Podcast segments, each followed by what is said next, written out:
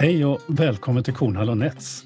Det här är en skolpodd som jag och Ingela gör i samarbete med tankesmedjan Arena Idé.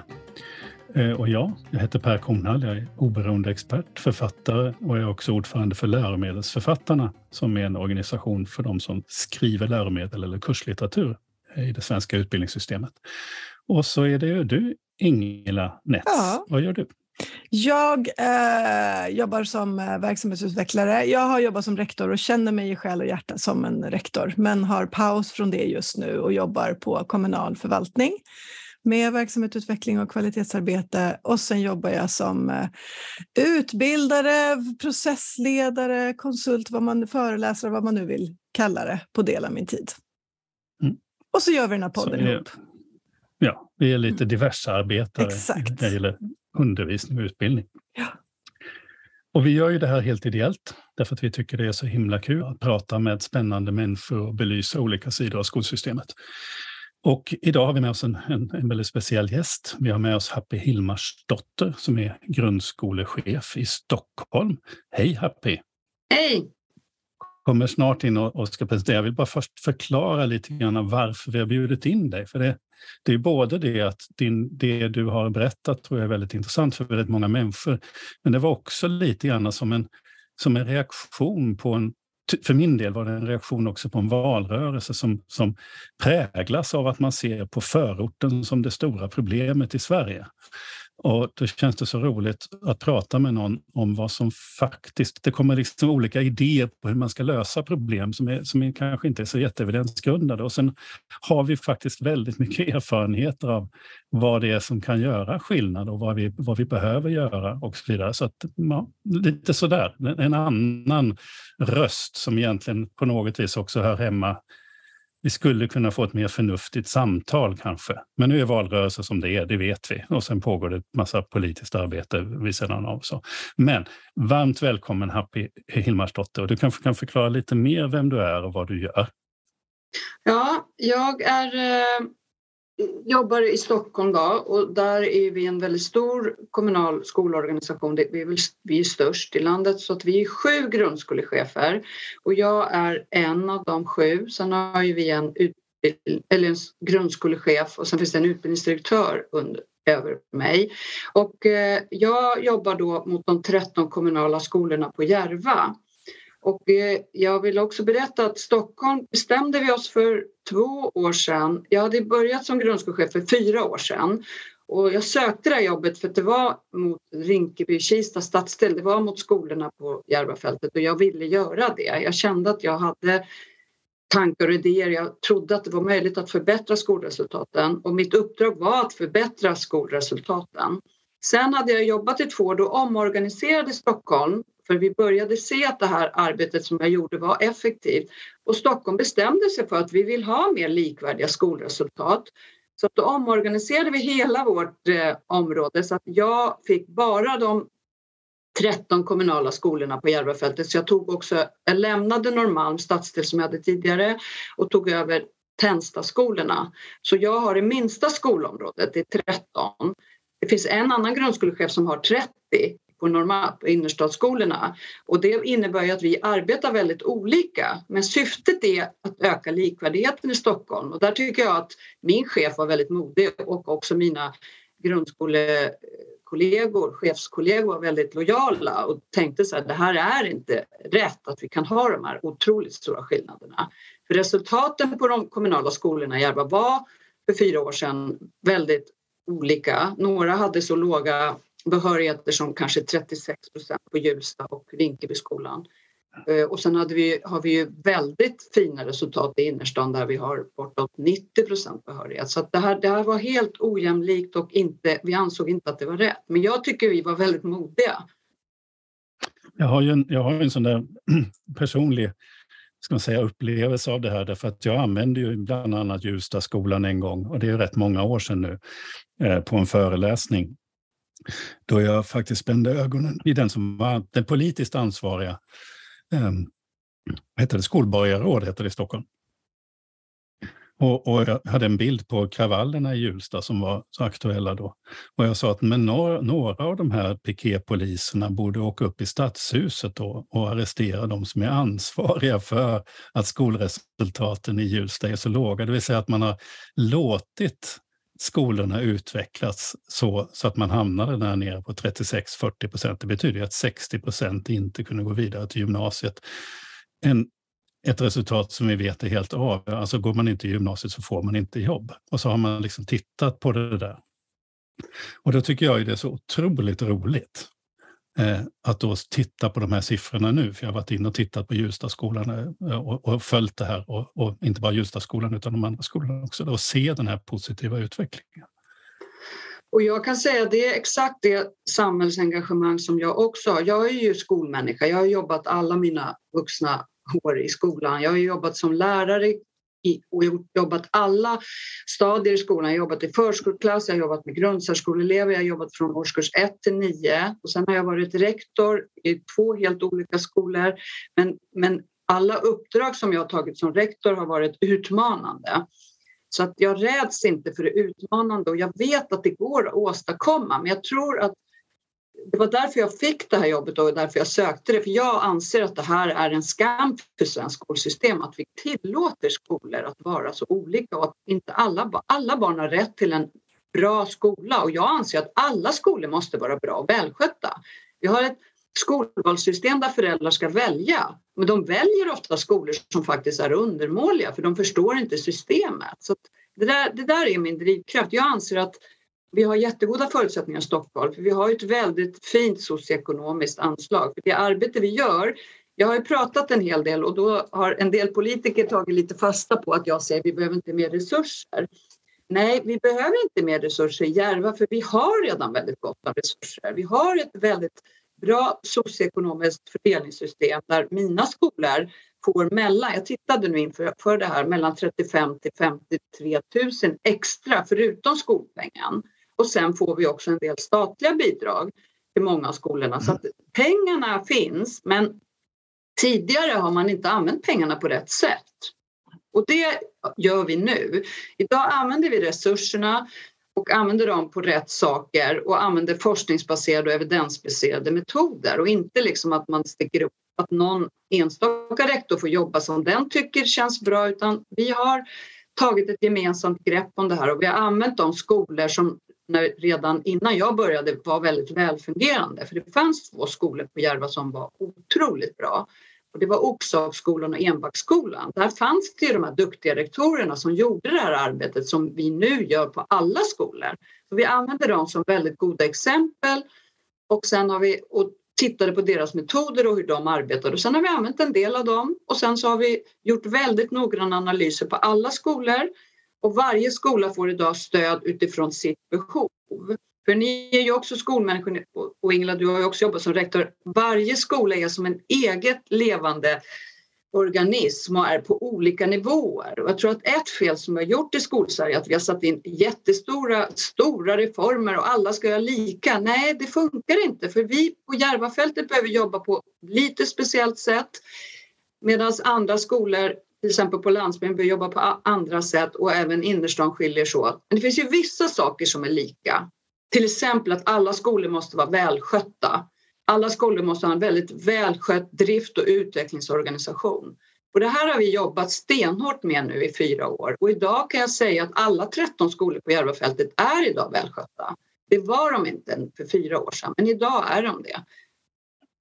Ja, det, det, finns så, ja, det finns så otroligt mycket spännande trådar att dra i här på en gång.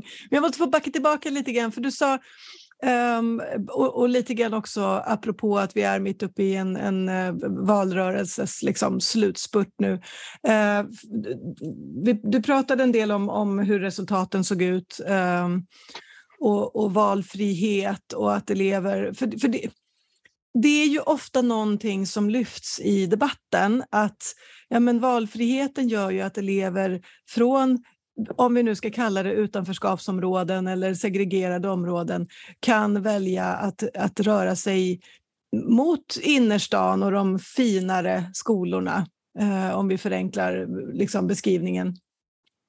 Um, och att det då på något vis skulle, skulle gynna alla elevers uh, möjlighet att få bra resultat och få gå i en bra skola. Och så beskriver du, du sa att, att, att föräldrar kan välja skola men de väljer ofta undermåliga skolor, sa du faktiskt, uh, för att de, de uh, inte förstår systemet. Och jag tänker att du har lång erfarenhet av att befinna dig i ett sånt här utanförskapsområde men också erfarenheten av att jobba i innerstadsskolor som har betydligt högre status. Går det att säga någonting om hur, de här, liksom, hur det faktiskt fungerar i verkligheten med den här valfriheten som, som vi har? Ja, alltså i Stockholm är det ju så att eh, det finns ju jättemycket skolor att välja på och har, man kan ju välja vilken skola man vill men man kommer ju inte in på skolan om skolan är full. Och våra skolor i de socioekonomiskt bättre områdena eller lättare områdena, de är ju oftast väldigt fulla så det är väldigt svårt att komma in där om man inte bor på rätt bostadsadress så att man har rätt att gå där. Så jag skulle vilja säga att vi har inte en valfrihet i Stockholm. Vi, vi säger att vi har ett fritt skolval men det är väldigt mycket ja, konflikter runt det även från föräldrar. Till exempel jag bor i Bromma, där kommer ju inte alla in på den skola som de bor närmast att vi har så trångt i vissa skolor. Så att, sen är det så att det jag tycker är förödande för det här, för det är väl jättebra att alla kan välja vilken skola de vill men då vill man ju att alla ska välja en bra skola. Och vad väljer man? Väljer föräldrar? Hur kan de veta vilken skola som är bra? Idag till exempel har man stängt möjligheten att titta på siffror. Till exempel vi i Stockholm har det här fina socioekonomiska fördelningssystemet vilket gör att vi har mycket högre lärar och personaltäthet i de kommunala skolorna i Järva. Vi har 80% behörighet nu bland lärarna, vilket är 70 tror jag snittet i Sverige. Och eh, snittet i, vi har tittat för några år sedan när vi kunde titta på siffrorna så såg vi att alla friskolor runt om oss, vi tittade på alla, de hade mycket lägre behörighet och lärarlegitimation, mycket lägre personaltäthet och ändå så klarar de mycket bättre snitt. Några av dem ligger och snittar på 100 procent behörighet år efter år.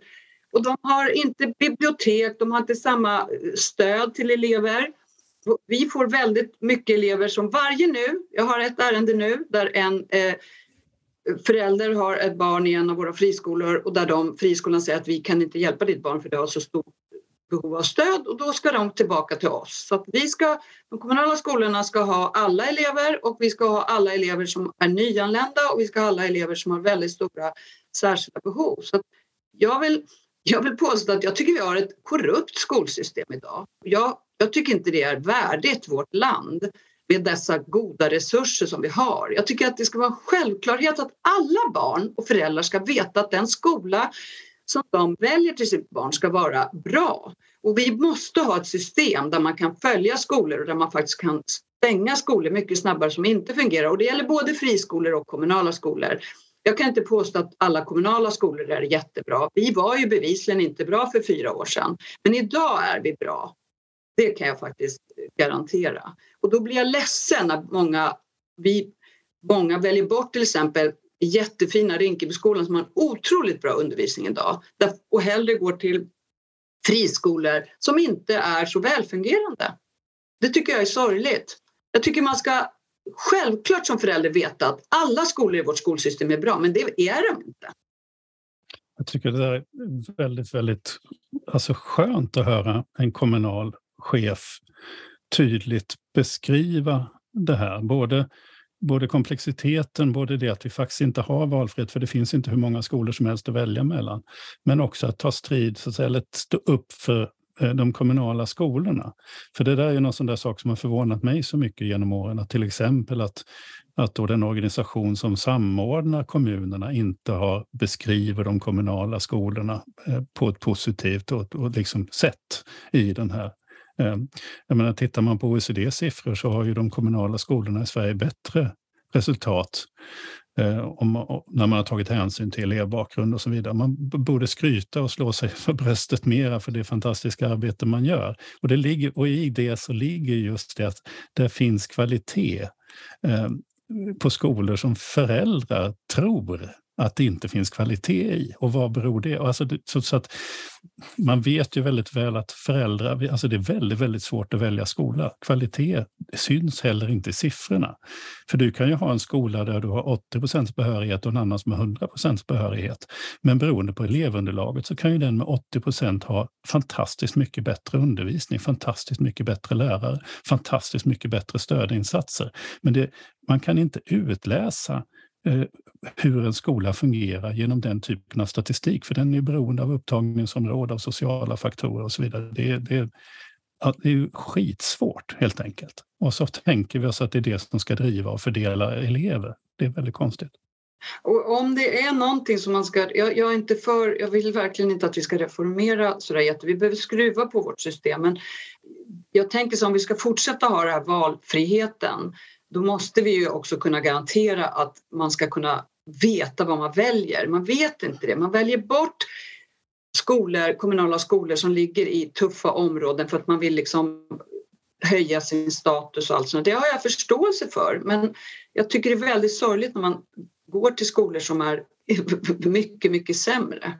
Och där måste, det måste vi göra någonting åt. Sen mm. måste jag säga att Politikerna pratar ju, alltså jag tycker politikerna måste börja prata mer gott om svenska skolan och skolsystemet. Eh, jag tycker att i Stockholm nu så är de ju väldigt stolta över det vi åstadkommer på Järva så de pratar faktiskt gott om oss överallt nu det, och det är samtliga politiska partier. Och vi har haft ett skolborgarråd nu som är liberalt som har varit väldigt stöttande och jättebra och följt vår utveckling och stöttat också för det har varit, det här har inte varit någon lätt resa vi har gjort. Det har varit väldigt tufft, svårt arbete och arbetet måste fortsätta. Vi är på ingen vis klara. Men det är väldigt viktigt att politikerna börjar prata mera gott om svenska skolsystemet. Jag tycker det är väldigt sorgligt till exempel. En, en av våra partiledare på riksnivå säger att de 25 sämsta skolorna i Sverige är kommunala. Men hur tror ni att det känns för dem som jobbar på de skolorna, som sliter och jobbar? Och att man inte vet bättre som partiledare för ett av våra största partier, det tycker jag är skamligt. Ja. För det här, det de borde veta vad de kommunala skolorna står inför, vad vi hela tiden måste arbeta med. Mm. Sen, sen är jag så här, du sa att jag är tydlig, ja jag är jättetydlig. Jag värnar vårt uppdrag. Varje barn har rätt till en bra skola och de kommunala skolorna är inte alltid bra. Det måste vi också som tjänstemän som jobbar i den kommunala organisationen vara öppna för och säga nej men jag, det här är inte bra men nu ska vi göra något åt det. Det du säger är ju ett sånt eh, kondensat, eh, eh, Happy, för du, du jobbar i de här frågorna. Det är så självklart för dig. Du sa, jag har det här engagemanget, jag brinner för det. Det väcker frågor hos mig. Du säger att nu finns det pengar. Och då, och då pratar vi om att i Stockholm har ett system. Man måste ju förstå att Stockholm är en av 290 kommuner. Så, så här ser det inte ut överallt, utan vi har 290 olika system. Där, där har vi liksom en tanke som du säger. Du pratar om att, att använda resurser rätt, men det bygger och så har du ju den här nyckeln att det bygger ju faktiskt på att ni nu har de här pengarna. Du nämnde siffran 50-60 000 kronor per elev och läsår mer. Extra, ja. Extra, som ju, som ju andra kommuner, eh, rektorer bara kan drömma om, för det finns inte, därför att där orkar inte organisationen fatta de här besluten som man ju egentligen ska fatta enligt den skollagstiftning som gäller. Sen säger du evidensbaserade metoder, det väcker nya frågor. Vad är det för metoder? Alltså här finns ju liksom en helt eh, eh, Alltså en hel, eh, vad ska man säga, eh, varenda sak du säger öppnar perspektiv och öppnar nya dörrar till fantastiska samtal liksom om, om de här sakerna. Mm. Så vi får se hur mycket vi hinner med, för vi har inte så lång tid på oss. Men herregud så spännande. Ja, verkligen. Och jag drar en helt annan tråd, då, eller ytterligare en. För att jag tänker att, att när, när du med en fas verkligen uttrycker att alla har rätt att, att, att, att välja en bra skola, och då, då underförstått, ja men då borde alla skolor vara bra skolor. För att vi behöver, alltså, ska det finnas plats för alla elever så måste, måste alla skolor finnas. Um, hur gör man då? Alltså, vad är nyckeln? För det är spännande utifrån ditt skolchefs och, och grundskolechefs liksom, perspektiv. Eh, vilka är nycklarna till att, att vända en skola som, som det du beskrev uppenbarligen för några år sedan inte alls var bra till att bli en bra skola? Du pratade mycket om, du sa att, att skolan måste vara välskött. Vad ligger i det? Ja, nej men jag, jag tycker så att jag känner mig ganska trygg i min genuina skolerfarenhet. Jag har jobbat i grundskolan alla år så jag, jag tror mig veta lite grann vad som krävs. Och jag har ju också bara haft de sko, rektorsuppdrag jag hade har bara varit utmanande. Jag jobbade ju en skola i ett socioekonomiskt område i Stockholm och sen gick jag till en av våra större innerstadsskolor som också var väldigt, eh, inte så gott skick. Och jag gjorde egentligen samma sak fast med lite olika metoder eftersom det var olika elevunderlag. Men det jag har sett på, och det jag har tittat mycket på det här, på alla skolor som är icke-fungerande då har man alltid problem med ekonomin. Och man har alltid så att man anställer, man har för mycket personal och, eh, och då tror man att man löser allt med att anställa fler personal. Om man till exempel har problem i en klass som är väldigt stökig och då blir det jättepress på rektorn och då anställer man på kort, alltså man är tvungen till kortsiktiga lösningar anställer till exempel elevassistenter som är oerfarna, unga och sådär och som inte har kunskap och så ska de jobba kanske med de svåraste eleverna och de svåraste klasserna. Det har jag sett på alla skolor och alla skolor som jag tittar på det här så är det så. För mycket personal och för mycket låg behörighet och kompetens bland personal. Så välskötthet för mig, det handlar ju om att det är också forskningsbaserat att ha väldigt tydligt drift och utvecklingsfokus. Och när jag började för fyra år sedan då var det flera skolor som hade problem med, med ekonomin och in, klarade inte av att hålla budgeten vilket ju väckte ramaskri hos andra skolor i Stockholm som sa att de bara får mer och mer pengar och resultaten är så usla. Så det började jag jobba med att hjälpa skolorna som hade problem med sin ekonomi. Då satte jag mig med dem regelbundet och med våra controllers från förvaltningen och gick igenom det här med budget och personalfrågor och allt sånt där. Och hade de inte kraften och styrkan så var jag tvungen att gå in jättetydligt och hjälpa dem att göra personalbudget och sånt där. För jag kunde det, jag visste vilka siffror man skulle titta på. Men det handlar ju om att våga liksom. Alltså för mig handlar det om, för mig som grundskolechef så är rektorerna det viktigaste. Vi måste ha jätteduktiga rektorer eh, och i det här området vill jag påstå att de behöver ha vissa speciella egenskaper med kommunikation och relationellt och de måste vara modiga, våga ta tuffa beslut. Och sen måste vi som huvudmän ge dem ett gott stöd. För att vara rektor idag är så otroligt utmanande. De blir utsatta för allt då, mellan himmel och jord. Och där tycker jag också, jag säger, så, jag säger alltid att vi behöver inte mer resurser i Stockholm men vi vill behålla de här resurserna vi har. Men det vi har också det är att hela vår förvaltning ställ, har ställt om och prioriterar skolorna på Järvafältet. Alla resurser och stöd som jag ber om får vi. Vi är prioriterade. och Vi är fortfarande prioriterade. Fyra år har gått nu. Vi är fortfarande prioriterade. Nu börjar vi kunna lätta lite på trycket inom vissa frågor som till exempel HR behöver vi inte lika mycket stöd och hjälp av HR för vi har jobbat så hårt med det och jag kallar det för att städa. Det handlar om att städa i systemen, se till att driften fungerar. För om en skola jag menar att en skola som är välskött, då fungerar vaktmästeri, kansli, expedition, budget, alla de här driftfrågorna. Alltså när personalen kommer till skolan ska inte de behöva hålla på med det. Lärarna ska kunna koncentrera sig på sin undervisning och inte undra om projektorn fungerar eller om de har pengar till läromedel eller allt det ska fungera och rektorn ska jag vara ansvarig för det. I Stockholm har vi jättemycket självbestämmande till rektorerna och då måste rektorn ha en person bredvid sig och det kallar vi för adminchefer som sköter det här åt rektorn. För om rektorn ska sköta alla driftsfrågor och också ansvar för utvecklingsfrågorna då orkar inte rektorn. Sen har vi också ställt om så att vi har nu jobbat väldigt mycket med undervisningsutvecklingsfrågor. Det är väl det vi har gjort största jobbet. För sen efter rektorn så är det ju lärarna det viktigaste på en skola. Och lärare måste få vara lärare och koncentrera sig på sin undervisning och tid för för och efterarbete. Och där har vi lyckats jättebra och det vi ser nu är att vi har ju, när jag började kanske vi hade tio sökande till lärartjänster, idag kan vi ha hundra. För lärare vill komma till skolor som är framgångsrika, som har duktiga rektorer och som jobbar på det här sättet som vi gör, där de får vara lärare. Och de brinner ju också, många av dem, för att jobba i de här utsatta områdena. Men de orkar ju inte när skolorna är vanskötta och det bara är kaos, då vill de inte jobba där. Så de duktiga lärarna kommer nu till oss därför att de vet att vi är välskötta och vi sticker ut hakan lite. Och de brinner ju också och vill jobba på de här skolorna. Så att, eh, vi har ett gott arbete nu som vi kan vara stolta över i Stockholm och jag gör inte det här ensam.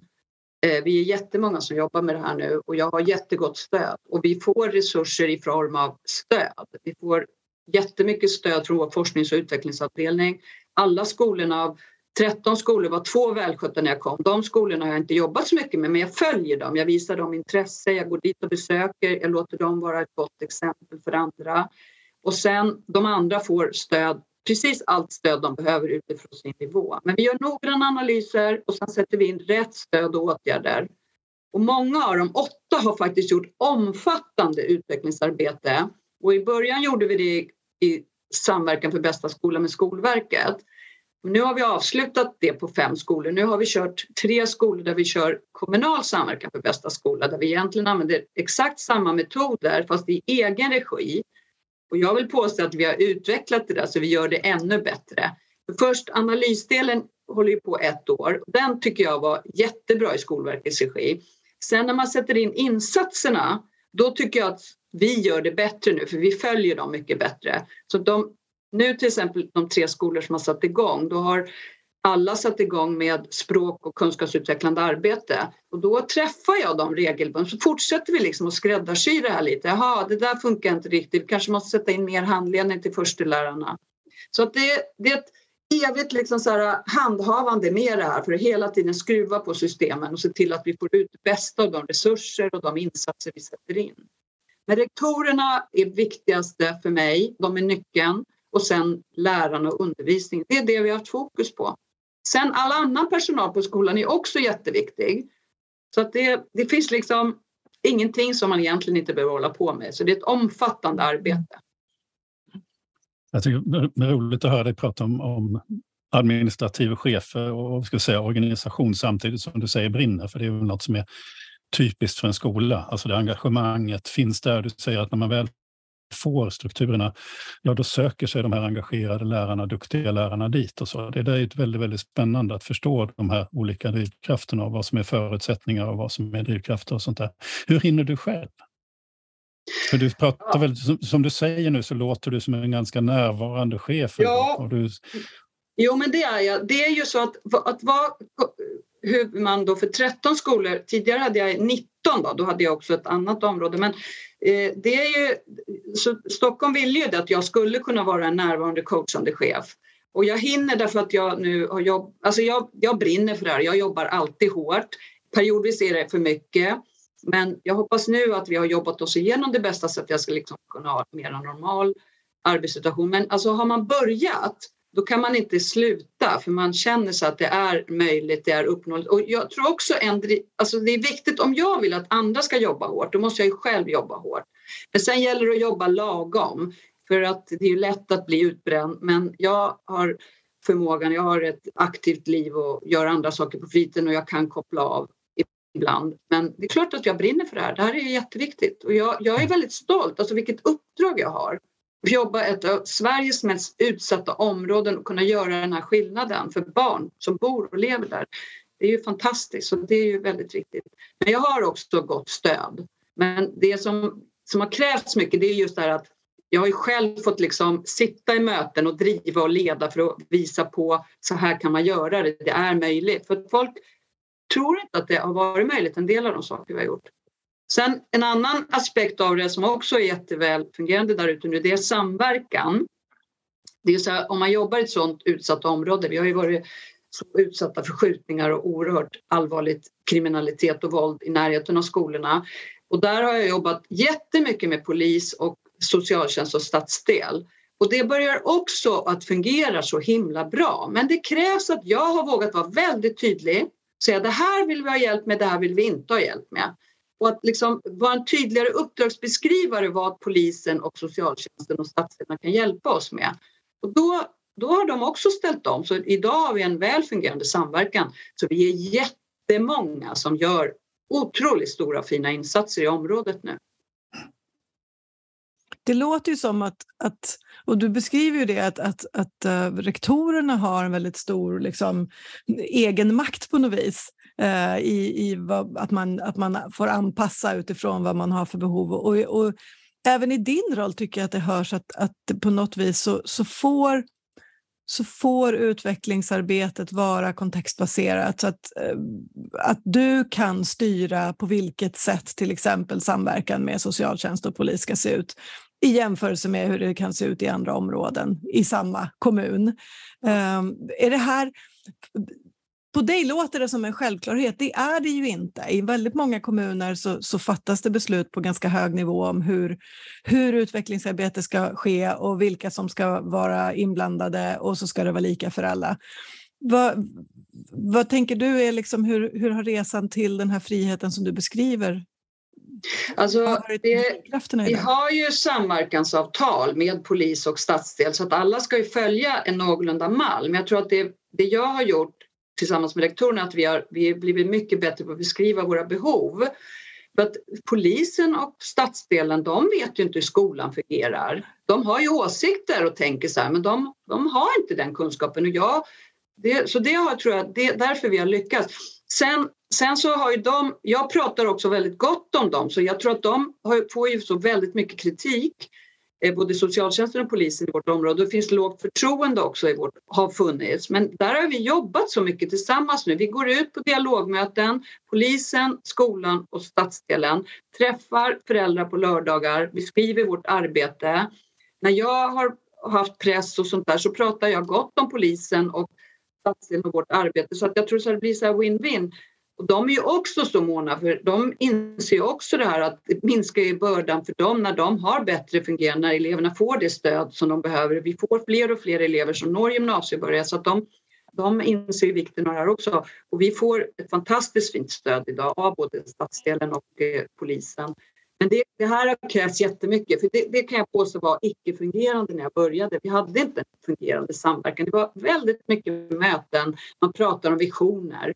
Men det leder inte någonstans. Idag är vi jättenoga med att se till att vårt arbete är konkret och att det, det ska direkt kunna påvisa att det ger någon skillnad.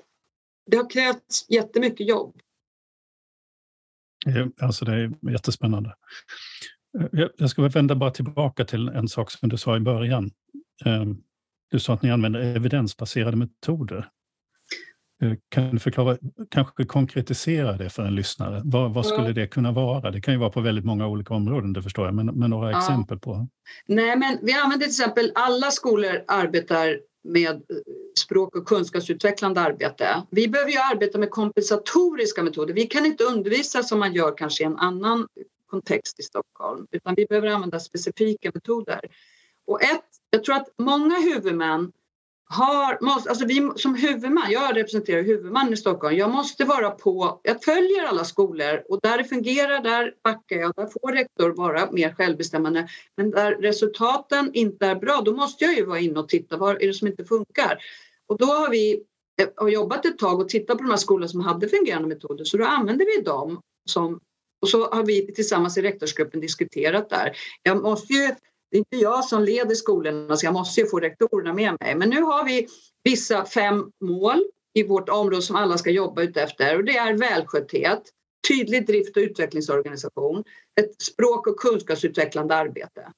De jätteviktiga frågorna använder vi forskningsbaserade metoder och då, då kan man inte som rektor säga ah, det här, så här vill jag jobba med det här. Nej, i det här området jobbar vi på det här viset. Så det, nu, håller jag på, nu har vi en del pensionsavgångar, jag håller på att rekrytera nya rektorer så nu gäller det att få in dem i det här tänket.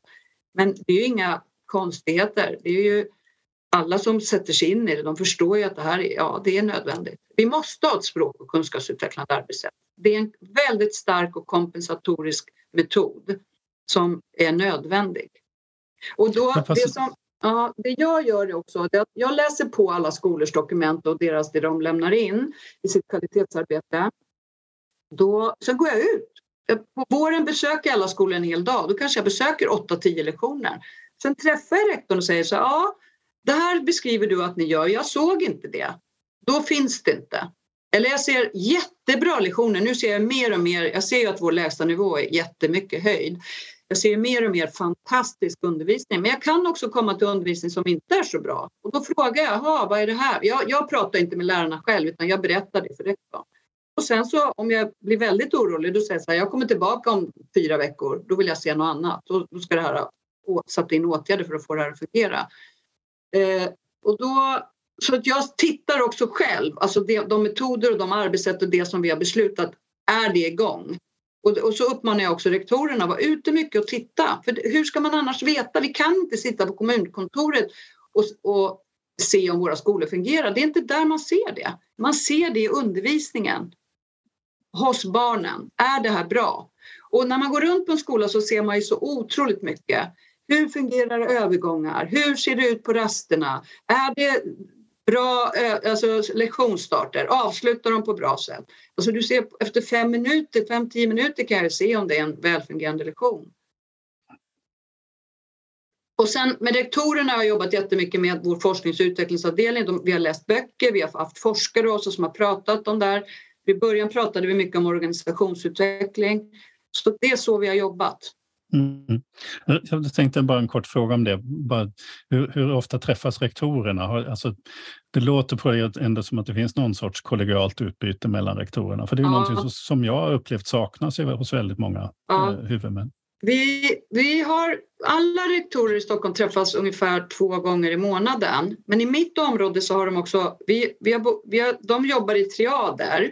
Så då tittar de på varandra, gör verksamhetsbesök hos varandra, läser varandras dokument, alltså i kvalitetsarbetet. Sen har vi också startat ett spännande nätverk för mina rektorer var lite så kritiska till det här nu att vi skulle bli ett eget område med utanförskap, alltså lite B-laget sa några av dem, var rädda för att ja, men ska vi betraktas som B-lag i Stockholm? Eh, men vi ville ju att de skulle ha det här kollegiala och kunna prata om precis de utmaningar som finns i vårt område. Och det har, nu är de nöjda. Nu säger faktiskt flera av dem som var kritiska, nej men det här blev bra. Vi pratar om det som berör deras skolor, och deras område och det är lite speciellt.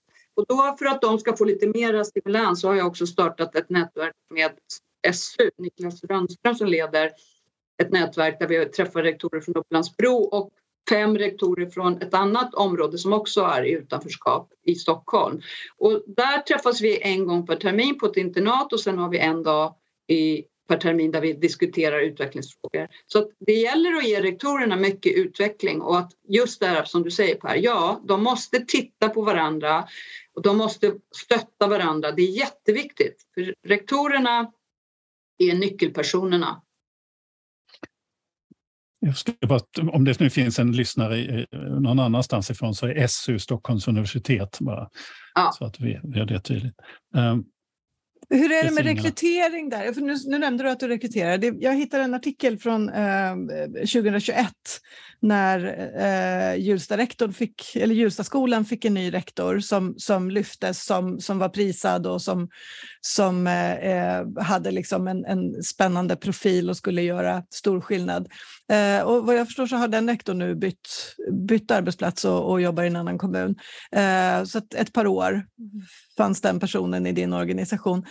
Jag vet inte hur det ser ut för övrigt i dina skolor, men, men eh, att rektorer inte stannar tillräckligt länge på sina skolor är ju liksom ett, ett nationellt problem och någonting som också har identifierats i forskningen, att det här är en faktor liksom, som gör att det, att det är svårt att få till bra skolor.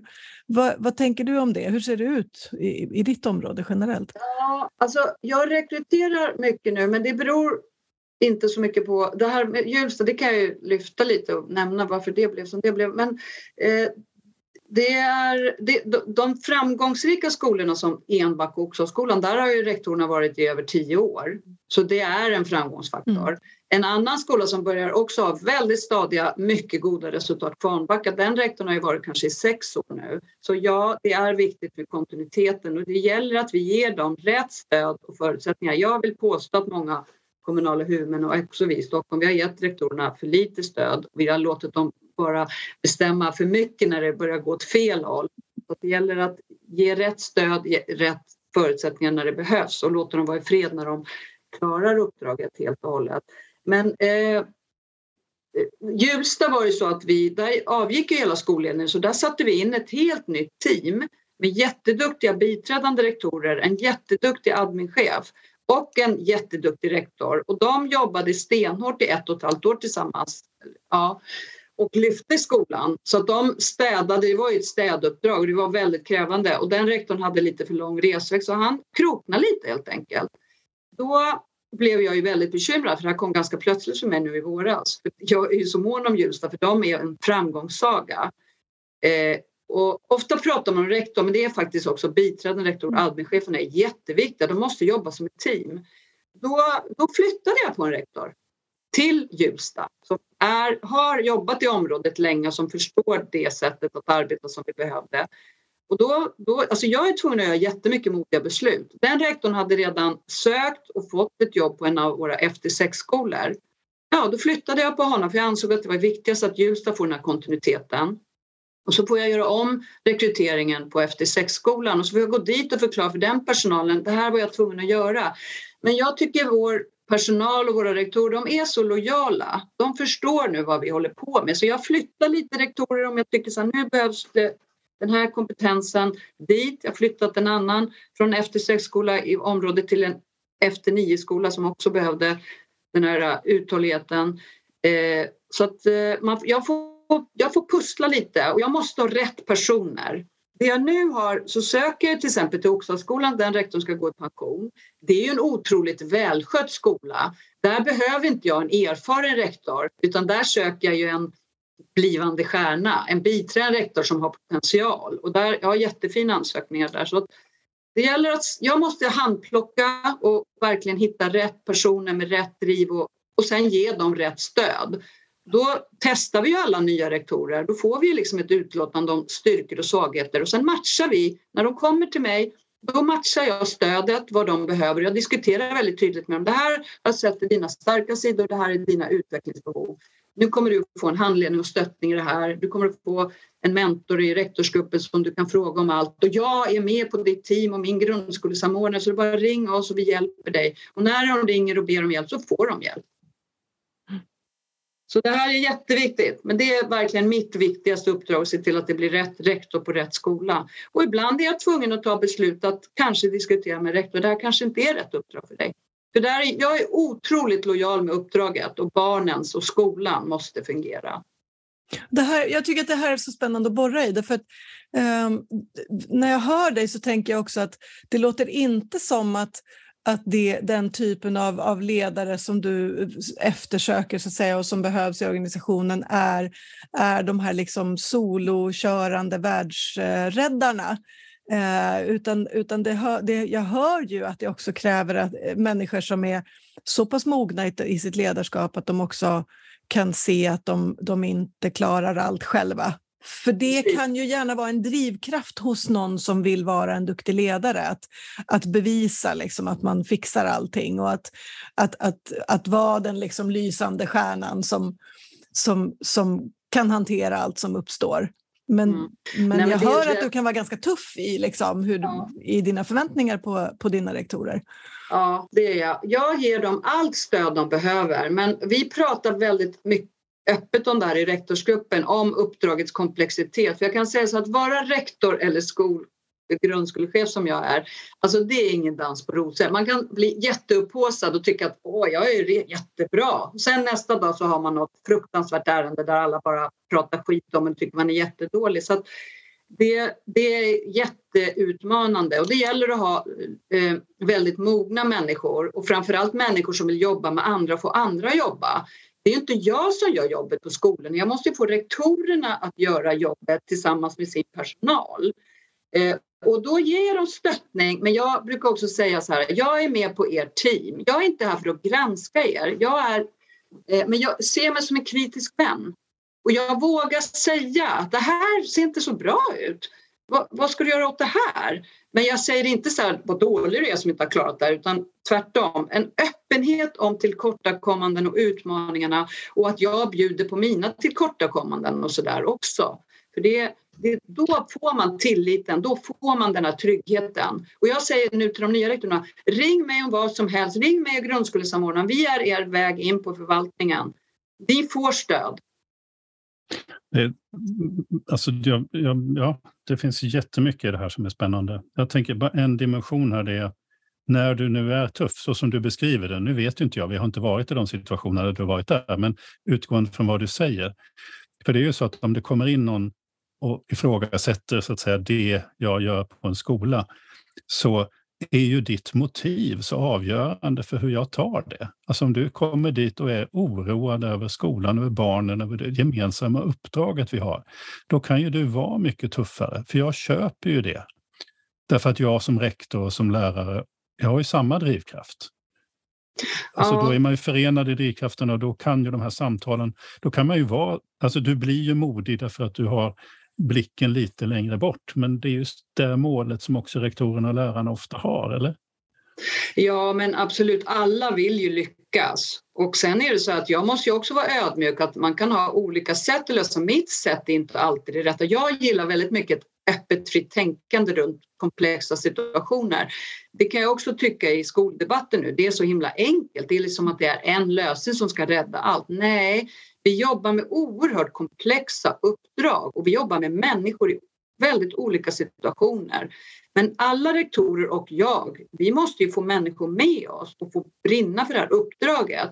Och det vill jag påstå att det är därför vi har lyckats nu på Järva, för rektorerna har anammat det här. De får med sig sin personal idag på ett annat vis.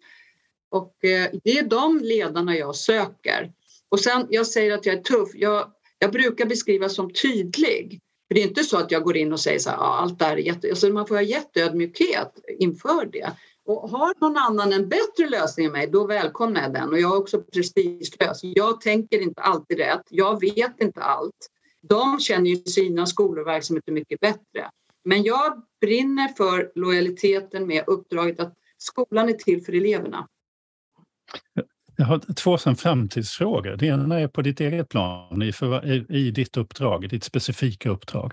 Vad är, vad är nästa sten som ska rullas bort eller väg som ska läggas? Eller, eller vad, vad, vad, är, vad är nästa utmaning, ser du? Eh, nej men det vi jobbar för nu, så nu har vi ju höjt resultaten och de ligger ganska stadigt på runt 80 procent. Alltså målsättningen är 80 procent behörighet. Och där, vi ligger ungefär där. Vi, vi sjönk lite grann nu, men inte något nämnvärt och inget som oroar mig. Eh, jag följer ju siffrorna väldigt noga. Jag har sagt nu att vi ska ligga på den här platån på höga, höga behörigheter till gymnasiet. Så att det, vi ska ligga kvar på den här platån. Jag tror vi kommer att kunna höja ytterligare lite men det är inte det som är drivkraften att vi ska bli Förstår du? Utan det är det här mm. viktiga arbetet som pågår kontinuerligt och att det ska vara god undervisning med hög kvalitet. Det är det viktigaste. Då kommer resultaten. Sen är det utmanande områden som vi jobbar i. Alltså vi tar emot mest nyanlända i hela Stockholm år efter år. Vi kommer aldrig att kunna jämföra oss med Stockholmssnittet. Men vi ska ligga på den här höga nivån, minst 80 procent. Sen kan det svänga lite till 75 sådär, 80, men det är där vi ska ligga. Eh, vi behöver ligga bättre på låg och mellanstadieskolorna. Där höjer vi lite grann och flera av dem har höjt sig nu till den här målsättningen 80 procent, men några ligger kvar på 60-70 och det är inte tillräckligt bra därför att då klarar sig inte de eleverna på högstadiet. Så det gäller att fortsätta det här arbetet. Sen har jag lyft den språkliga nivån när barnen kommer till oss eh, som sexåringar i området att ofta när de kommer så fast de är födda i Sverige så pratar de inte tillräckligt bra svenska för att följa med i undervisningen. Då gör vi ett jättespännande arbete nu med stadsdelen för att titta hur ligger nivån när barnen kommer från deras förskolor.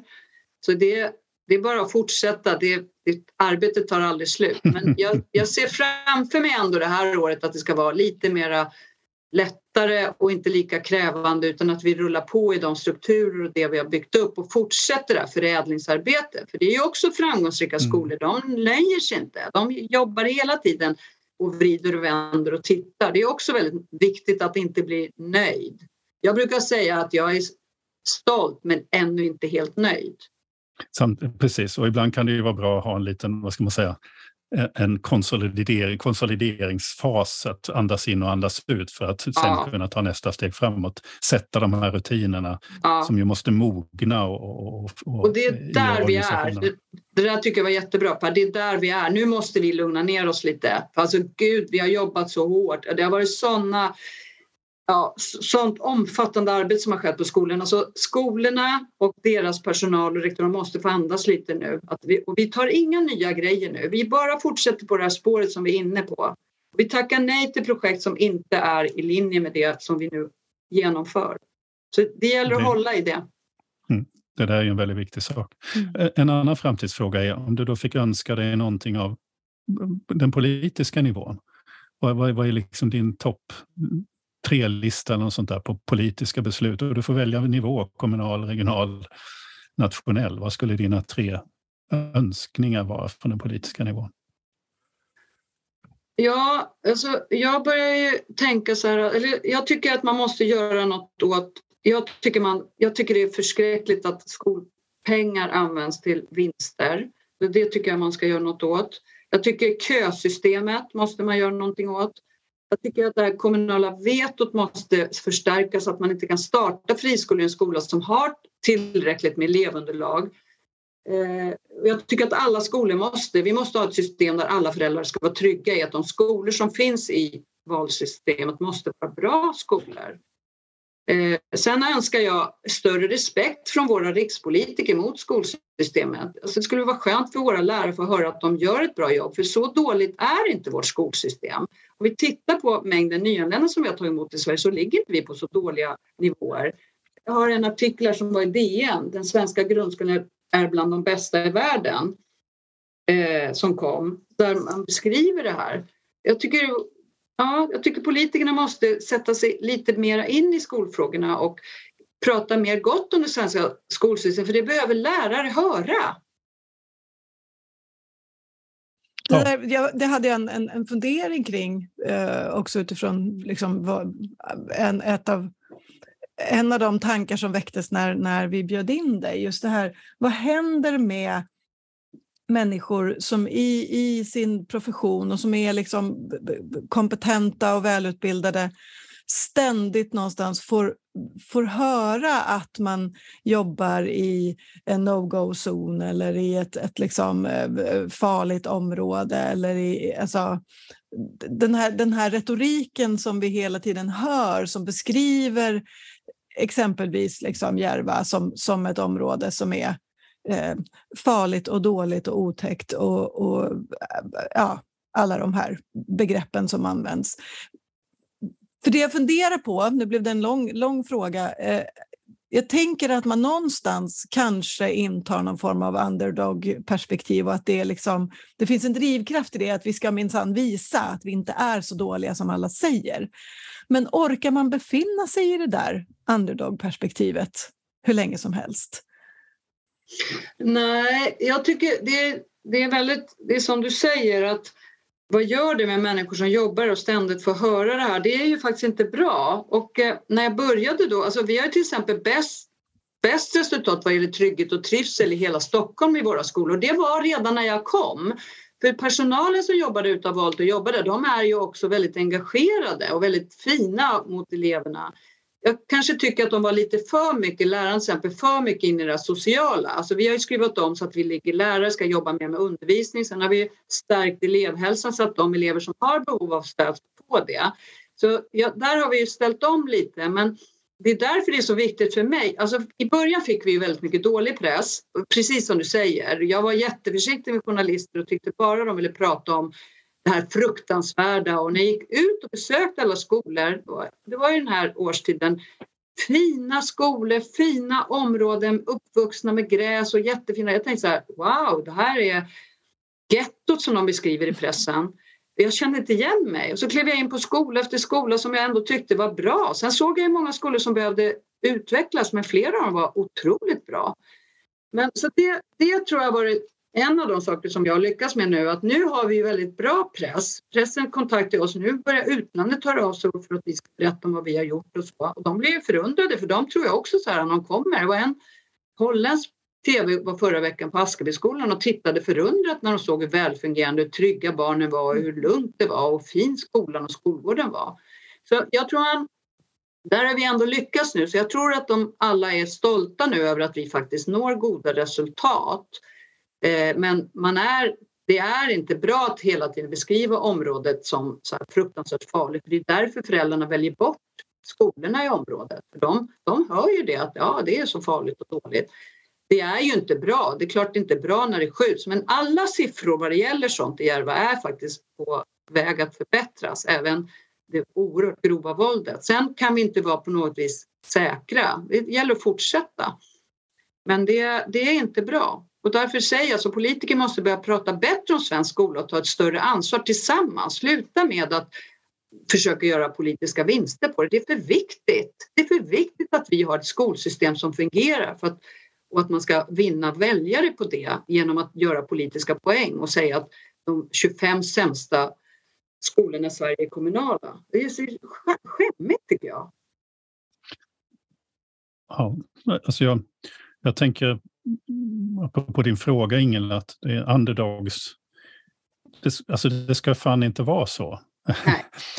Därför att alla skolor tillhör det svenska skolsystemet för de svenska barnen. Så det ska inte finnas Exakt. den typen av skillnader. Det är ju det som är den grundläggande ja, saken i det. Precis det, det tycker jag. Alltså alla skolor ska vara välskötta skolor. Var, vilken skola du än har i Sverige och även då hos oss. Det är precis så vi har gått in på det. Alla skolor ska vara välskötta. Det ska inte vara någon skillnad. Det här är en svensk kommunal grundskola. Alla regler och förordningar som gäller ska gälla här. Men vi måste vara bättre. Vi måste också vara, vi måste prestera bättre därför att vi har ett sånt svårt utgångsläge. Så det är precis så vi jobbar. Men så borde ju alla skolor i hela Sverige vara. Mm. Ja, och vilket ju också innebär att ni över tid så, så bygger ni en, en, enorm kunskap om saker. Så frågan är ju ofta hur kan vi flytta det ni vet? Därför att ni har ju lärt er, era, du har lärare där ute som kan saker som, som många lärare ute i Sverige behöver kunna, behöver veta, behöver förstå. Eh, för ni, ni bygger ju en enorm erfarenhetsbank av hur man kan jobba. Ja, men en sak som jag också medvetet har gjort med tanke på din fråga, det var att lyfta dem. Så att jag har ju ansökt och fått priser till flera av skolledarna som de bästa skolledarna. Och så har jag uppmanat dem att söka priser för sina lärare och de har vunnit nu. Och det lyfter, alltså att alla börjar förstå att wow, vi är bland de bästa i Sverige på undervisning. Det är också jätteviktigt, det är en framgångsfaktor. För det var väldigt lite så här känsla ibland på vissa skolor att nej men det här är så svårt och utmanande och vi kan inte ha bättre undervisningsresultat för det är så svårt. Det, det köper vi inte längre. Och idag har, är vi ju så framgångsrika så det pratas inte på det viset längre. Men det var viktigt att få de här framgångarna. Mm. För varje liten framgång så har vi lyft den och så sa vi så här, ja men ser ni det här är möjligt, då kan vi göra det på den här skolan också. Och titta, vi har tre, fyra lärare som har blivit utsedda till årets lärare och vi har tre, fyra rektorer som är årets rektorer. Det är inte så, jag fattar ju det där med priser och tävlingar, det går inte att säga vem som är bäst. Fast det har varit viktigt för oss att visa att vi är framgångsrika. Och så, alltså jag kan säga att eftersom jag följer undervisningen så noga, vi har otroligt bra undervisning. Och det, om jag får bestämma, jag skulle vilja berätta lite hur vi jobbar med lektorer. Vi har jättemycket förstelärare. Och rektorerna ska ju leda allt arbete och det är också forskning att det är väldigt viktigt att rektorer leder lärares lärande. Men hinner rektorer vara inne och leda processer mot lärare? Nej, det vill jag faktiskt påstå att de inte hinner. Då har vi ju jättemycket förstelärare. Det är ju statligt direktiv att vi har fått fler och att det har varit viktigt och det är bra. Men det är väldigt stora organisationer för rektorerna att leda. Men då har vi nu satt i system att vi anställer lektorer. Så att då har vi alltså administrativa chefer och lektorer som ska hjälpa rektorn. Och där är faktiskt också en av våra framgångar. Alltså vi har, söker nu lektorer, jag tror vi har fem eller sex. Nu har vi fått en som delar på sin tjänst på två efter sex skolorna och så söker vi lektorer med vissa speciella, de ska vara väldigt undervisningsnära. Och de ska leda förstelärarnas arbete och utvecklingsarbete tillsammans med rektorn. Det är också en av våra framgångar. Och där måste vi berätta att, att vi hade en, en av de ja. som finns på Järva som gäst i, i podden för ja, något knappt år sedan, Tola Maunela, som ja. jobbar med matematikutvecklingen. Eh, och vi kan väl bara säga att om du som lyssnare inte har lyssnat på det avsnittet så gör det, därför att det är, eh, det är nog ett av de mest fantastiska samtal jag har haft i mitt liv, tror jag. Eh, och vi vet, Tola har själv berättat, kommit tillbaka och berättat eh, på, om reaktioner hon, hon fick efter det här samtalet också. Så missa inte det avsnittet. Och, och hon och jag har ju jättebra tät kontakt och på tal om att vi pratar öppet och fritt och vi har inte alltid samma åsikter jag och Tola men det är så fantastiskt att prata med henne om undervisning. Och då på Rinkebyskolan har ju hon genomfört att där har ju de public lesson Alltså en lärare håller i undervisningen med sin klass och alla lärare på skolan tittar på den undervisningen. Jag menar snacka om kollegialt lärande. Och nu gör, försöker vi göra samma med rektorerna. De går runt och tittar på varandras verksamhet, följer varandras vardag. Så det här är så viktigt. Men det är lektorerna, det vi är jättemåna om, Och det är ju, Tola var ju den som började och nu har vi fått fler och fler, det är att det ska vara väldigt nära. Lärarna måste vara väldigt, alltså de utvecklingsgrejer vi håller på med lärarna måste vara jättenära deras undervisning så att de blir delaktiga och engagerade i det. Då tar det fart. Och vi har ju stöd också av lektorer från undervisnings och utvecklingsavdelning som pratar om, alltså det är på väldigt låga nivåer. Alltså förstår du, det kan vara likhetstecken i matematiken. Men när lärarna börjar prata om det, då blir de väldigt engagerade. Istället för att det kommer någon utifrån och säger så nu ska vi jobba med de här teorierna. Nej, vad är det som inte fungerar i er undervisning? Det är det lärarna ska prata om. Vad behöver vi utveckla med den här elevgruppen? Alla lärare måste prata om det så att vi måste också se till att lärarnas tid som de ska ha för att planera, det ska vara undervisningsnära. Då tar det fart. För lärare måste äga de här processerna själva. De behöver stöd. Ja, jag kan bara säga ja. Ja, vi, vi ler stort både Per och jag och nickar instämmande här. Ja, mm. det är underbart att höra och det är så fantastiskt att höra ditt, ditt kombinationen av passion och kunskap. För det är ju ofta det, och det har ju, du mm. har ju formulerat det Per, att den här, den här drivkraften som finns i passionen, låt oss använda den, för den är en styrka i ledarskapet, att, att tillåta sig att också vara passionerad och engagerad eh, och känna den här... Liksom, det kombinerat. Ja, vikten av att alla barn har rätt till eh, de absolut bästa förutsättningarna. Ja, alltså ja. bra ledarskap kombinerat med bra chefskap, bra mm. organisation, det är då det händer saker. Och mm. i skolans värld så är det ju det, är det där likhetstecknet, det är precis där som de viktiga värdena skapas. Det är där som lärandet och kunskapen och, och engagemanget för lärarna finns och så. Så det, ja, det är bara att säga ja. ja. Och eh, när man tittar på lektioner, alltså när man kommer in på en lektion som är väl förberedd och som är engagerande och motiverande, då ser man ju elevernas engagemang. Sen i början, och det var ju även när jag var rektor så har jag ju gått ut och tittat. Det här är ju en av mina styrkor som ledare. Jag går ut och tittar. Jaha, ni säger att det är så här i våra kvalitetsdokument. Okej, okay, då vill jag se det. Då går jag ut och tittar. Och tyvärr, man ser ju alltså, det är, det är så här, man kan ju komma in på en lektion och så ser man att tio elever är inte engagerade. De sitter och gör helt andra saker. Då är, och varför? Då måste man titta på varför. Men det här måste rektorerna titta på. De måste följa det här. Och jag följer det. Jag kan inte låta bli annat att tänka att det här, den inspektion som du gör här och som rektorerna gör här är så oerhört mycket alltså, av en engagerad person som har möjlighet att sedan prata och leda och så vidare är så oerhört mycket värdefullare än den myndighet vi har som då tittar efter om, om skolorna följer det legala juridiska regelverket och, och så vidare. Och så vidare.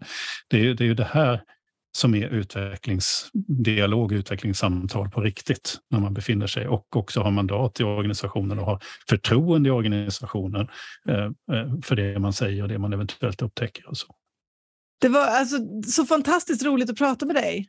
Nej men tack, jag tycker också att ni, ni märker ju mitt engagemang och det är så att jag pratar om det här hela tiden utan det oftast dagliga arbete består ju av det hårda uthålliga arbetet så att det blir också väldigt kul för mig att få berätta och sätta ord tillsammans med så kunniga, duktiga människor som ni. Men jag är väldigt, jag kan bara säga så här, jag är så stolt över det arbete vi har åstadkommit. Jag är så stolt över mina rektorer och över all personal som vi har i skolorna som har varit så modiga och vågat ta tag i det här. Titta på sig själva. Det är inte elevernas fel. Vi måste ha undervisning som möter elever där de är och så ge dem stöd. Så det, det, är, det är en väldigt fin resa jag har fått vara med om. Och att ha fått förmånen att få leda arbetet, det är fantastiskt. Mm. Med de orden, tusen tack Happy. Som vanligt får vi säga ännu en engagerad människa ja, i skolans. Verkligen, verkligen.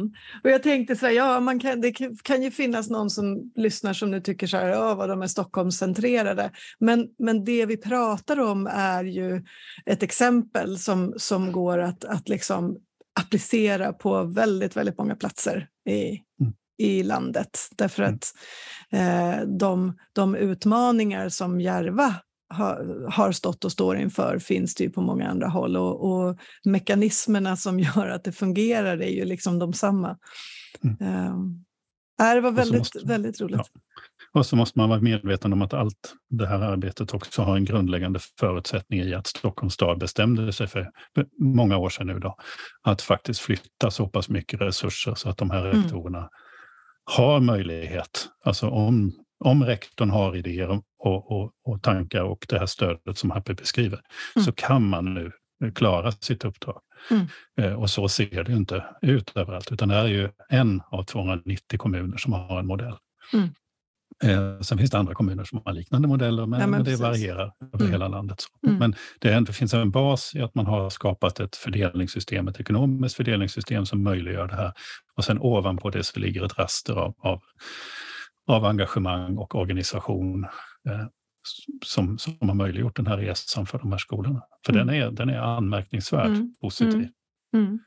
Och jag kan inte... och någonting som ja. Stockholms politiker äh, verkligen kan ta åt sig en ära av att skapa förutsättningar för och mm. utbildningsförvaltning för kloka beslut och så hela vägen ända ner till lärare. Mm. Eh, ja, precis. För det jobb man har gjort. Mm. Och jag, jag, Tola, nej förlåt, inte Tola, Happy i det här samtalet återkom ju till de här eh, Eh, uttalanden om, om, alltså på, på rikspolitisk nivå om, om att de sämsta skolorna är mm, kommunala skolor och så vidare. Men jag, och jag, kan inte, jag, kan inte liksom, jag måste få vrida och vända lite grann på det här med, med eh, alltså, om man, ska, om man ska vara riktigt sådär eh, provokativ, är det så att eller så, så är det ju, att om någonting ska framstå som riktigt bra så behöver något annat vara dåligt. Um, och vi, vi pratade om det i, i vårt senaste avsnitt där du och jag diskuterade också det här. Finns det verkligen, och nu pratar jag på någon sorts nationell nivå eh, politiskt, finns det verkligen en, en genuin vilja att alla skolor ska vara bra skolor, att alla elever ska kunna få gå i en bra skola?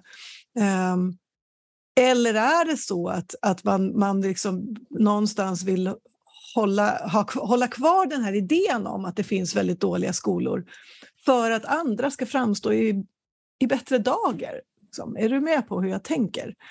Jag är med på vad du tänker, för jag gör en liten resa i det svaret. Mm. Jag har, Happy blir ju då upprörd över att en, en rikspolitiker som då säger att 25, de 25 procent sämsta mm. skolorna är kommunala. Mm. Och jag kommer tillbaka till det. Jag har ju varit i samma situation, fast i ett mindre sammanhang, och jag har säkert beskrivit det, eh, där, där en, ett, ett kommunalråd kommer ner till en kommunal skola och, och, frågar dem varför de är så dåliga, alltså varför de har så dåliga resultat. Eh, samma kommunalråd som har varit behjälplig med att förändra systemet eh, för nyanlända så att det inte fanns några förberedelseklasser och sånt där, utan de nyanlända kom direkt in i undervisningen oavsett vilket stadium och vilken ålder de kom till Sverige vilket innebär att en klass på den skolan, alltså en av de få, det var ju tre eller fyra paralleller, en av de klasserna hade tagit emot 16 stycken pojkar från eh, Syrien och Afghanistan, eh, eh i, alltså i samma klass, i årskurs 9. Mm. Mm. Alltså, de kunde inte ett ord svenska och, och, och kunde, alltså fanns ingen som helst möjlighet. Nej. Och så får de då höra av kommunalrådet att de är en dålig skola och mm. han frågar varför de har så dåliga resultat. Mm. Och jag visste att den rektorn och den biträdande rektorn på den skolan var bland de skickligaste rektorer jag vet. Jag visste att den lärare som undervisade i den klassen och den svenska i andra språkslärare innan som var där var bland de mest engagerade och duktiga lärare jag har mött i hela mitt liv. Det, det låg sannerligen inte på det planet, utan det var bara alltså dårskap, okunskap och politiska motiv och mm. polit, blindhet för politisk ideologi. Och så då tillbaka till den här rikspolitikern som då säger det här. Mm. Det är, alltså, det är en...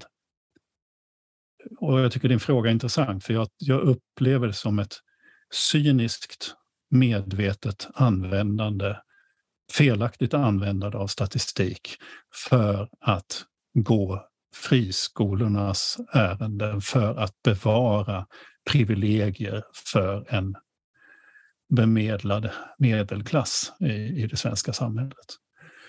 Alltså för att möta kritiken mot vad, vad, hur segregationen och sånt slår i skolsystemet så målar man ut en annan sektor eh, Eh, i ett positivt ljus. Eh, som är då felaktigt därför att det här beror helt och hållet på att de kommunala skolorna är de som tar det här ansvaret för, för svensk eh, politik, integrations och segregationsfrågor och så vidare. Alltså det, jag förstår Happis, jag tycker hon var väldigt tydlig. Nu ska vi säga att det Happy sa om, om politik, om, om, om, eh, om vinster och etableringsfrihet och, och alltihopa det här.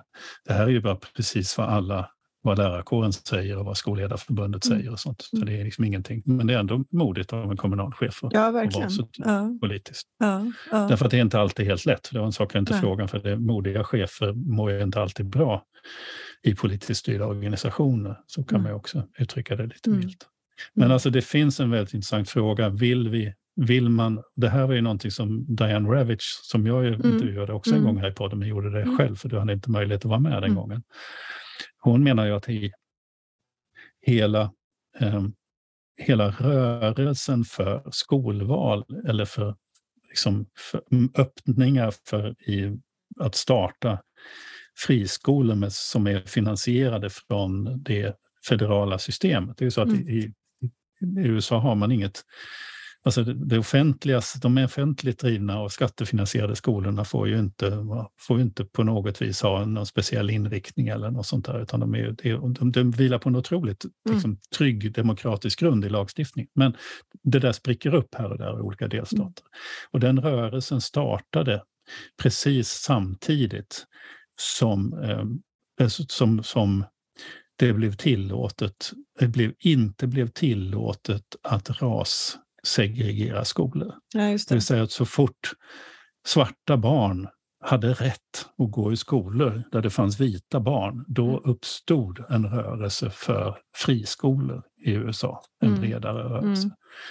Mm. Hon menar att, att hela den debatten är någon mening rasistisk. Och, då, och vi har inte riktigt den debatten i Sverige, men vi har ju däremot en tydlig eh, alltså segregation där, där, där där vissa grupper i samhället inte vill ha sina barn tillsammans med andra barn. Mm. Och så har vi då ett system som understödjer det.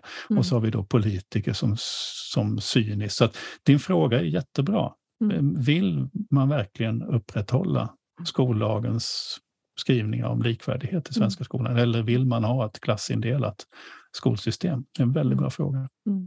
Och det, jag tänker att det finns, ja, men precis. Och det finns en annan aspekt av det som också, också tycker jag hörs i... i nu har, de senaste veckorna så har vi kanske sluppit en del av det men under en period så, så var det en, en ganska kraftig liksom, skrämselpropaganda kring att, att det i regerings, regeringens förslag i likvärdighetsutredningen eh, och det som drogs i lagrådet innehöll någon sorts eh, bussning av barn. Att man liksom skulle bussa Um, och, och, nu driver jag, liksom vrider jag på det här till någon sorts uh, lite raljant nivå, men att man skulle bussa vita medelklassbarn till till exempel Järva för att det skulle vara en blandning på skolorna av liksom etnisk uh, bakgrund och, och socioekonomisk status och så vidare. Och det, ett, det har aldrig liksom föreslagits eh, och det hoppas jag att de flesta har förstått vid det här laget. Eh, men, men två, det, det, är ju lite liksom ytterligare en gren på samma, samma träd på något vis, att man, att man också eh, skrämmer liksom, eh, mm. människor med att, att så här, om, om du inte aktar dig nu annars så kommer ditt barn så, eh, bli tvunget att åka till en skola på Järva som är en av Stockholms, alltså som har de bästa trygga resultaten, eh, eller resultaten när det gäller trygghet bland elever, som har fantastiskt kompetenta lärare, som har fler högutbildade lärare på, på förstelärar och lektorsnivå än någon annanstans, som har eh, fantastisk undervisning med lessons, lesson, såna här liksom open lessons, där, där lärare är modiga nog att också våga undervisa inför sina kollegor och sen diskutera i detalj vad som sker i undervisningen för att att varje elev ska lära sig så mycket som möjligt. Det finns något så absurt i den här mm. i, i liksom det här sättet som vi slarvigt pratar om eh, vissa skolor i vissa områden när sanningen är liksom någon helt mm. annan. Mm. Ja. Ja, man kan ju säga att, ehm, att, om någon hade lämnat ett sådant förslag på bussning så skulle det vara till fördel för de här eleverna. Mm. Eh, men, men det är en lögn. Mm. Alltså det, och det måste sägas. Alltså mm. de, de, partier som alltså, alltså fortsätter att använda det argumentet och det mm. har ju varit moderater och det har varit liberaler och, och andra. Det måste sägas att det är en förbannad lögn mm. och att det är, ett, det, är ett, det är ett fult och otäckt sätt att föra politik på. Mm. Man bara upprepar en lögn tills dess man har skrämt tillräckligt många väljare därför att det mm. tjänar en syfte. Mm. Men men, men alltså, det är ett oärligt sätt. Och sen är det då dessutom den här paradoxen i mm. det hela. Eh, att skulle det vara så att någon föreslog det så kanske det skulle vara till gagn för en del. Exakt. Ja. och då menar jag inte av mm. segregations utan av ren undervisnings... Ja, exakt. Eh, Kunskapsutvecklingsmässigt. kunskapsutvecklingsmässigt. Ja. Men det är ju samma, samma, samma liksom, eh, hur man packar finns ju också i det här att, att när man beskriver det, betydelsen av, av och det kan ni ju tänka på ni som, som är sådana, man, och, och, varför det är så viktigt att ha skolval, för att då ska ju de här eleverna kunna välja bort eh, förortsskolorna, de, mm. de som då implicit är då dåliga förortsskolorna, mm. för att då få mm, flera svenska kamrater. Och så. I de exemplen är det alltid en flicka. Mm. Det är aldrig en invandrarpojke som finns i de exemplen som mm. går. Googla det gärna och titta. Mm. Vi kan stå ut med att det kommer en, en, en, en, liksom en, en intelligent, eller den här förstår det, inte vi, utan den, man tänker sig budskapet så kan vi stå ut med en, en, en, söt och intelligent flicka som kommer från förorten. Det kan vi acceptera, mm. men vi vill inte ha förortspojkarna i våra skolor. Mm. Och så att det finns ju, alltså det finns sådana lager av, av, mm. av vad jag ändå vill kalla rasism i de här resonemangen, mm. mm. som man bara tanklöst sprider omkring sig. Jag vet från en, en väl initierad källa att ett av de här borgerliga partierna, jag kan bara tala om att det blir ganska lustigt ibland, eh, då är det, det, är ju, det, är ju, det är Liberalerna som säger att alltså, som nu vill ha ett år av kö. Mm. Och en av deras företrädare i en offentlig debatt sa att vi är helt emot, eh, liksom, eh, vi är helt emot lottning. Mm. Han gick på om det här med lottning. Mm. Som, som en, och, och det ska man också veta att lottningsargumentet handlar om att, man, att föräldrar, barn bara ska lottas ut. Utan det är, det är liksom det sista om, det, om barn om det står i kö till samma skola. Det finns, något annat, många, det finns ja. inget annat sätt att skilja Nej, dem åt. Då kan lottning komma. Ja. Men efter den här offentliga debatten, där den här företrädaren då får, får, har sagt att vi är helt emot lottning, ba, ba, ba, ba. Mm. Då blir hans partiföreträdare tvungna att ta honom åt sidan och säga mm du kan inte säga så. Mm. För att om vi kortar köerna till ett år, mm. då måste vi ha lottning sen. Precis. Vi kommer att få ett problem om vi inte på något vis kan skilja åt vilka liksom tagga ner, för annars ja. får vi problem med det här i efterhand. Och det var ju ja. någon lite ärlig människa då i det hela. Men, men det här är absurt och det är mm. väl därför vi vi känner att vi har varit lite raljanta mot valrörelsen. Det här är mm. inte riktigt värdigt eh, resonemang. Och det var därför det kändes så viktigt att ha med Happy. Ja. Att få prata om allt det här systematiska mm. arbete som görs och som möjliggörs av kloka politiska mm. beslut som är, i grunden är fördelningspolitik. Mm. Och sen är det eh, kunskaper, erfarenheter och engagemang och ledarskap. Mm. Och, och, tänker jag är så viktigt, ett, ett enträget säkert inte roligt varje dag jobb med att skapa de här fungerande organisationerna. Alltså skolor som har liksom fungerande vaktmästeri, som har fungerande expeditions och, och all den här liksom administrativa delen, som har en ekonomi i balans det är precis som vilket företag som helst, om man nu ska göra den jämförelsen, så är det liksom någon sorts hygienfaktorer som måste vara på plats så att lärare kan få göra det lärare är bäst på och rektorer kan få göra det de ska göra. Ja. Mm. Och också med den här, verkligen, att, att höra en chef en chef för rektorer som är medveten om rektorers svåra uppdrag är väldigt mm. viktigt. Mm. Och har skapat en organisation så att de avlastas en del av de administrativa mm. uppgifterna. Verkligen. Och så vidare. Det finns massa klokheter att hämta. Ja, mycket. Ja, roligt var det. Ja. Ska vi runda av för idag? Det, ja, vi får väl göra det. Så ja. Jag säger då att nu har du då lyssnat på ännu ett avsnitt av Konan och Nets. Ett, en eh, podd som vi gör i samarbete med Arena Idé. Och vi gör det helt ideellt och vi betonar det för vi tycker det är viktigt. Har du någon önskegäst? Finns det någonting du vill att vi ska belysa? Hör av dig. Du hittar kontaktuppgifter där du har hittat podden. Mm. Och vill du se personer vi pratar med så, har vi ofta, eh, så spelar vi också in en, en video som du också kan hitta på Arena Ideas hemsida eller på Facebook-sida och så vidare. Med det så säger vi tack för idag. Hej då! Vi hörs snart igen. Hej då!